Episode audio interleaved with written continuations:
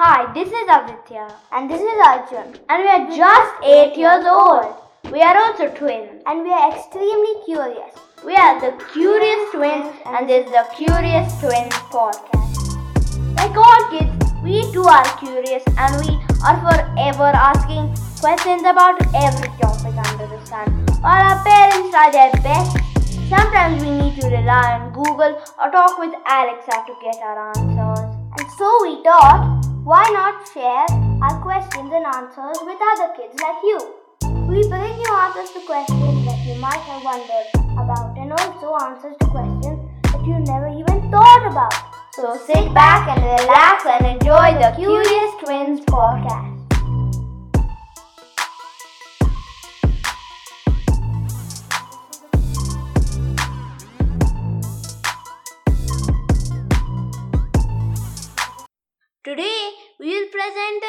Interesting facts about one of our favorite authors, Dr. Seuss. Hey Aditya, what is your favorite book once you started reading? Well, I love Cat in the Hat and the Grinch who stole Christmas, but my favorite, of course, was All the Places You Will Go. Come to think of it all, my favorite books were written by Dr. Seuss. Do you know Dr. Seuss was not a doctor? Then he must have a PhD degree. Aren't people with that degree also called doctors? No, he did not have a PhD degree either. He just began using the title while still in college in order to be taken more seriously and because his father had always wanted him to be a doctor. Wow, can we do that?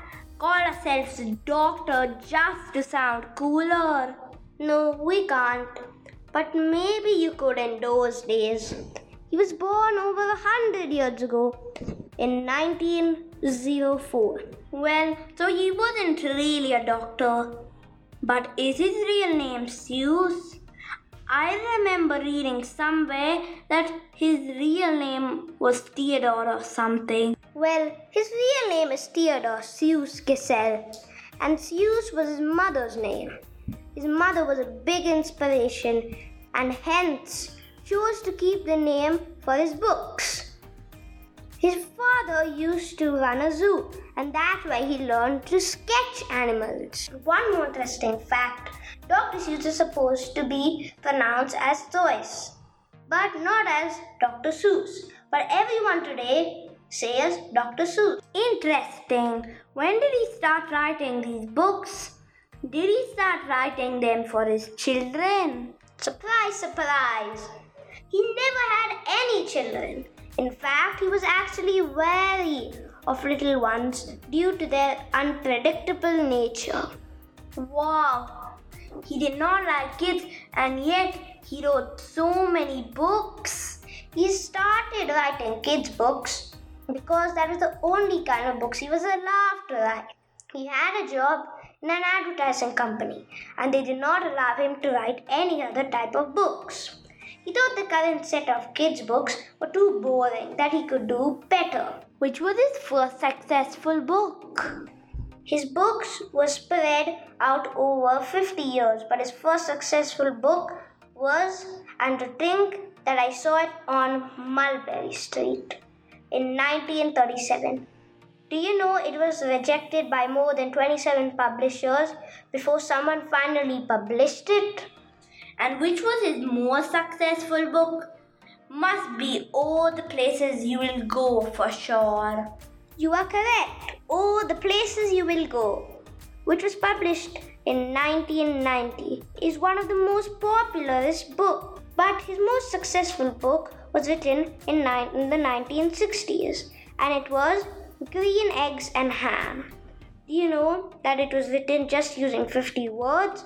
His publisher challenged him to write just using 50 words, and he accepted the challenge.